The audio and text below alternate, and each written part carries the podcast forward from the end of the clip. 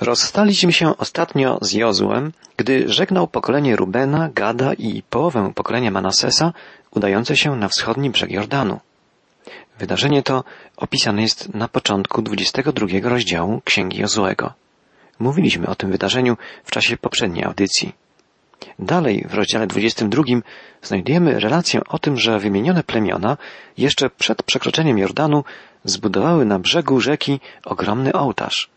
Wzbudziło to zaniepokojenie pozostałych dziewięciu plemion izraelskich, ale wkrótce wyjaśniło się, że ołtarz nie miał stanowić konkurencji do ołtarza, który stał przed przybytkiem i nie miał służyć do składania ofiar jakimkolwiek pogańskim bóstwom, ale wręcz przeciwnie, miał przypominać Izraelitom o ich przynależności do Jahwe, Boga Izraela.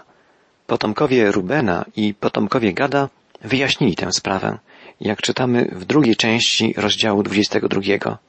Jeśli zbudowaliśmy ołtarz, aby odwrócić się od Pana i aby składać na nim ofiary całopalne, pokarmowe i biesiadne, niech sam Pan to osądzi.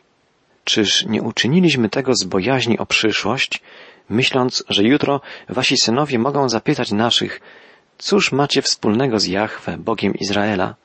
Pan ustanowił Jordan granicą między nami a wami, potomkami Rubena i Gada. Wy nie macie żadnego udziału w Panu. I mogliby wtedy wasi synowie sprawić, żeby nasi przestali bać się Pana. Dlatego powiedzieliśmy, zbudujemy sobie ołtarz nie do całopaleń i innych ofiar, lecz jako świadectwo pomiędzy nami i wami, między potomkami po nas, że chcemy pełnić służbę Pana przed Jego obliczem, przez nasze całopalenia, żertwy i ofiary biesiadne. Wasi synowie nie będą mogli kiedyś powiedzieć naszym, wy nie macie udziału w Panu. Rubenici i Gadyci wyjaśnili więc, że zbudowanie ołtarza miało służyć zachowaniu jedności wszystkich plemion Izraela, a nie czynieniu podziałów. Pozostałe plemiona zrozumiały tę myśl i czytamy, że nie doszło do żadnej kłótni. W końcowym fragmencie 22 rozdziału czytamy Kapłan Pinchas, syn Elazara i książęta opuścili potomków Rubena i Gada i powrócili z ziemi Gilead do ziemi Kanaanu, a więc ze wschodniego brzegu Jordanu na zachodni brzeg, do Izraelitów, którym zanieśli tę odpowiedź. Sprawa wydała się dobra Izraelitom. Błogosławili Boga i nie mówili nic więcej o wyruszeniu przeciw nim na wojnę. Potomkowie Rubena i potomkowie Gada nazwali ołtarz świadectwem, ponieważ mówili, oto jest świadectwo wśród nas, że Pan jest Bogiem. Nie doszło więc do nieporozumień i czas pokoju, który rozpoczął się po zakończeniu podziału ziemi obiecanej, trwał przez dłuższy czas. W pierwszym wierszu następnego 23 rozdziału Księgi Jozułego czytamy Po upływie długiego czasu, gdy Pan użyczył Izraelitom pokoju ze strony wszystkich ich wrogów dokoła, Jozue już był stary i podeszły w latach. Jozue wie, że zbliża się jego odejście. Podobnie jak Mojżesz chce przed śmiercią przekazać Izraelowi swój duchowy testament. 23 i 24 rozdział Księgi Jozuego, czyli dwa końcowe rozdziały tej księgi, zawierają ostatnią mowę Jozuego. Jozue zwołał całego Izraela, jego starszych, książąt, sędziów i zwierzchników i przemówił do nich. Ja zestarzałem się i posunąłem się w latach, a wy byliście świadkami wszystkiego, co Pan, Bóg wasz, uczynił wobec was wszystkich, tym ludom, ponieważ Pan, Bóg wasz, sam walczył za was. Na początku Jozue, jak widzimy, kieruje wzrok swoich braci na Boga. Przypomina im, że wszystko, co mają, zawdzięczają Panu. To On pokonał ich wrogów. To On dał im w posiadanie ziemię, którą teraz mogą uprawiać. Jakże byłoby dobrze, gdyby podobne słowa można było usłyszeć w przemówieniach przywódców współczesnych narodów. Dzisiaj Jozue mówi swoim braciom, jestem już stary, wkrótce odejdę. Wysłuchajcie mnie po raz ostatni. Patrzcie, podzieliłem pomiędzy was losem jako dziedzictwo według waszych pokoleń te narody, które jeszcze należy podbić, tak jak i te, które ja zgładziłem od Jordanu aż do Morza Wielkiego na zachodzie. Pan, Bóg wasz, On sam je rozproszy przed wami i wypędzi je przed wami, a wy posiądziecie ich ziemię, jak przyrzekł wam Pan, Bóg wasz. Okażcie się mężnymi, aby strzec i wypełniać wszystko, co napisane w księdze prawa Mojżesza. Nie odstępujcie od niego ani na prawo, ani na lewo. I nie łączcie się z tymi ludami, które pozostały z wami. Nie będziecie wzywać imion ich bogów, przysięgać na nich, służyć im lub oddawać pokłon. Wy powinniście natomiast przygnąć do Pana, Boga waszego, jak czyniliście to aż do dnia dzisiejszego. Izraelici w trakcie zdobywania ziemi Kanaan mocno przylgnęli do Boga. Obawa przed wrogami w obcym kraju, strach przed niewiadomym, niepewność, niebezpieczeństwa grożące z każdej strony, wszystko to sprawiło, że Izraelici przylgnęli do Boga. Jozue mówi więc teraz swoim braciom, tak powinno być zawsze, nie tylko w chwilach trudnych, w czasach wojny, ale zawsze w życiu na co dzień, w normalnych, codziennych zajęciach, w pracy, w czasie wypoczynku. Niestety, jak zobaczymy wkrótce, Izraelici, gdy zaczęło im się powodzić, gdy w pokoju mogli uprawiać ziemię, gdy mogli cieszyć się z jej obfitych plonów, zapomnieli o Bogu, oddalili się od Pana. Możemy powiedzieć, że jest to znamienne nie tylko dla historii Izraela, ale dla historii człowieka w ogóle. Jest to historia ludzkiej natury. Gdy człowiekowi się wiedzie, zapomina o Bogu. Stare polskie przysłowie mówi, jak trwoga to do Boga. Niestety, tak często w naszym życiu jest, że dopiero problemy, tragedie, choroby, śmierć kogoś bliskiego sprawiają, że zaczynamy się modlić, że wołamy do Boga o pomoc. Nie powinno tak być. Powinniśmy być blisko Boga, trwać w łączności z Nim na co dzień, niezależnie od okoliczności, czy to w okresie trudów i doświadczeń, czy w czasie powodzenia, pokoju i wypoczynku. Wydaje się, że najtrudniejszym testem dla człowieka jest nie okres trudów, doświadczeń, ale okres powodzenia, sukcesu, popularności, sławy. Dlatego Jozue ostrzega swoich braci, jak czytamy dalej od jedenastego wiersza. Troszczcie się bardzo o wasze życie, miłując Boga waszego Pana. Lecz jeśli sprzeniewierzycie się i połączycie się z resztą tych ludów, które pozostały z wami, jeśli zawierać będziecie małżeństwa z nimi i pomieszacie się z nimi, bądźcie pewni, że Pan, Bóg wasz, przestanie wypędzać te ludy przed wami, a staną się one dla was siecią i sidłem, biczem dla waszych boków i kolcami dla waszych oczu, aż wyginiecie z tej pięknej ziemi, którą wam dał Pan, Bóg wasz. Jozue ostrzega swoich rodaków. Ostrzega ich, że jeśli zachłysną się powodzeniem i zapomną o Bogu, zostaną wypędzeni z ziemi obiecanej. Ten sędziwy mąż Boży, wiedząc, że zbliża się jego śmierć, jeszcze raz apeluje do swoich rodaków, żeby trwali przy Bogu i żeby okazywali mu posłuszeństwo. W końcowych wierszach 23 rozdziału Księgi Jozłego czytamy, jak Jozue mówi dalej. Ja sam muszę teraz pójść drogą, którą idą wszyscy, a wy zrozumcie to całym sercem i całą duszą swoją, że ze wszystkich wspaniałych obietnic, które dał wam Pan, Bóg wasz, ani jedna nie zawiodła. Wszystkie wam się spełniły. Żadna z nich nie okazała się próżna. Ale jak się wypełniły na waszą korzyść wszystkie obietnice uczynione przez Pana, Boga waszego, tak samo Pan wypełni wszystkie swe groźby przeciw wam, aż do zgładzenia was z tej pięknej ziemi, którą dał wam Pan, Bóg wasz, jeśli rzeczywiście przestąpicie przymierze, które Pan, Bóg wasz, zawarł z wami.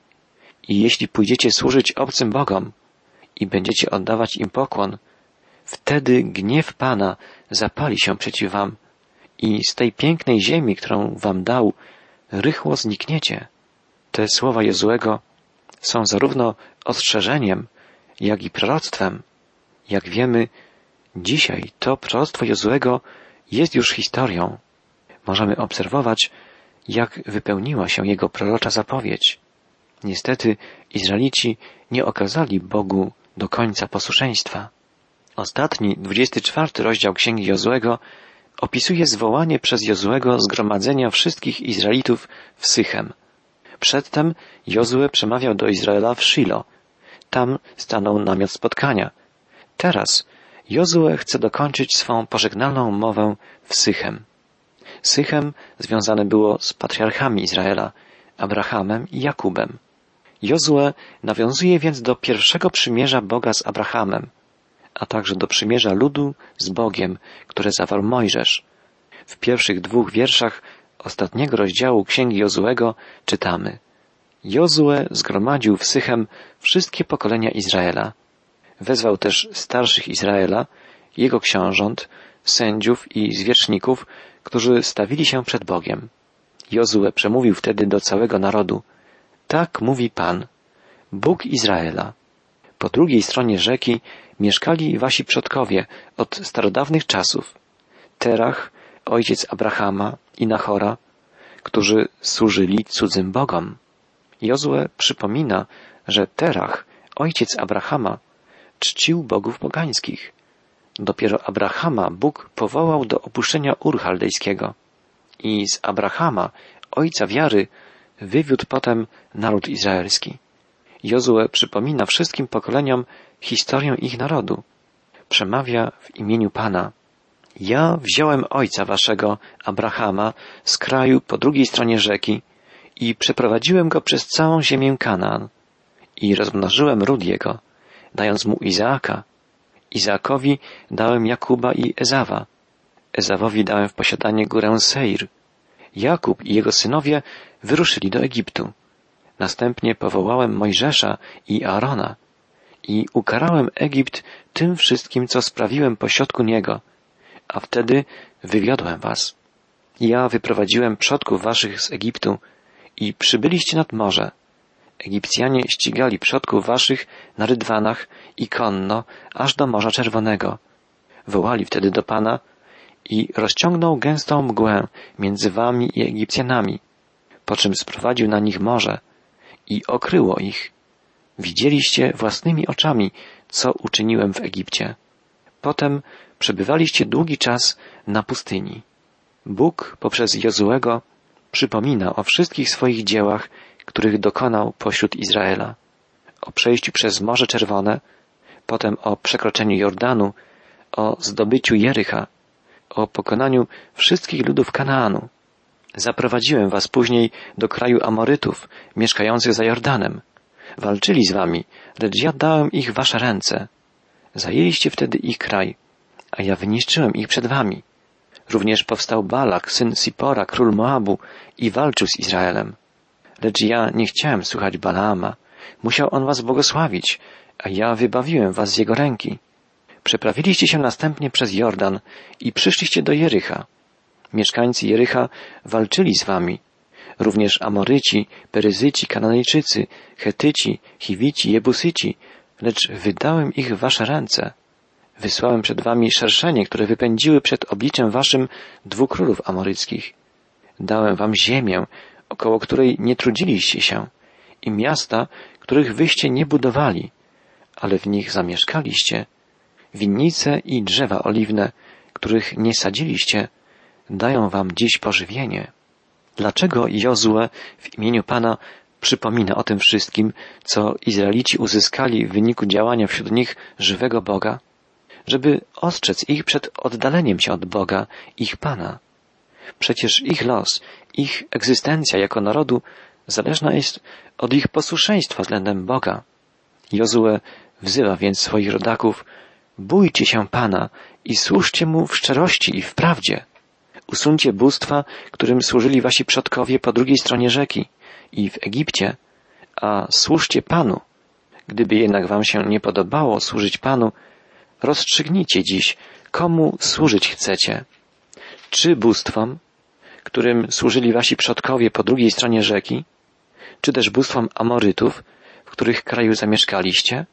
Ja sam i mój dom służyć chcemy Panu. Jozue przestrzega Izraelitów przed zwróceniem się ku bożkom pogańskim. Zarówno ku tym, których czcili ich przodkowie przed Abrahamem, jak i ku tym, których czczą teraz ludy Kanaanu. Jozue mówi, ja sam i mój dom w każdym razie służyć chcemy Panu. A dalej czytamy, Naród wówczas odrzekł tymi słowami. Dalekie jest to od nas, abyśmy mieli opuścić Pana, a służyć bóstwom obcym. Czyż to nie Pan, Bóg nasz, wyprowadził nas i przodków naszych z ziemi egipskiej, z domu niewoli? Czyż nie On przed oczyma naszymi uczynił wielkie znaki i ochraniał nas przez całą drogę, którą szliśmy i wśród wszystkich ludów, pomiędzy którymi przechodziliśmy? Pan ponadto wypędził przed nami wszystkie te ludy wraz z Amorytami, którzy mieszkali w tym kraju. My również chcemy służyć Panu, bo On jest naszym Bogiem. Zwróćmy uwagę, jak zdecydowanie brzmią słowa całego ludu. Można by sądzić, że mając w pamięci wszystkie cuda i znaki działania Boga pośród nich, ci ludzie rzeczywiście będą swemu Panu i Bogu wierni. Niestety wiemy dzisiaj, że tak się nie stało. Jednak zamiast wskazywać palcem na tamtych ludzi, żyjących prawie cztery tysiące lat temu, postawmy sobie pytanie, czy my jesteśmy Bogu wierni? Znamy jeszcze więcej cudownych dzieł Bożych. Widzimy, jak wypełniły i jak wypełniają się proroctwa biblijne. Znamy już Mesjasza, Chrystusa. Znamy Jego czyny, Jego słowa. Czy kroczymy za Bogiem? Za tym cudownym Panem, który tak wspaniale manifestuje nam swoją moc i miłość? Jozue jeszcze raz ostrzega lud, jak czytamy od dziewiętnastego wiersza ostatniego rozdziału Księgi Jozuego.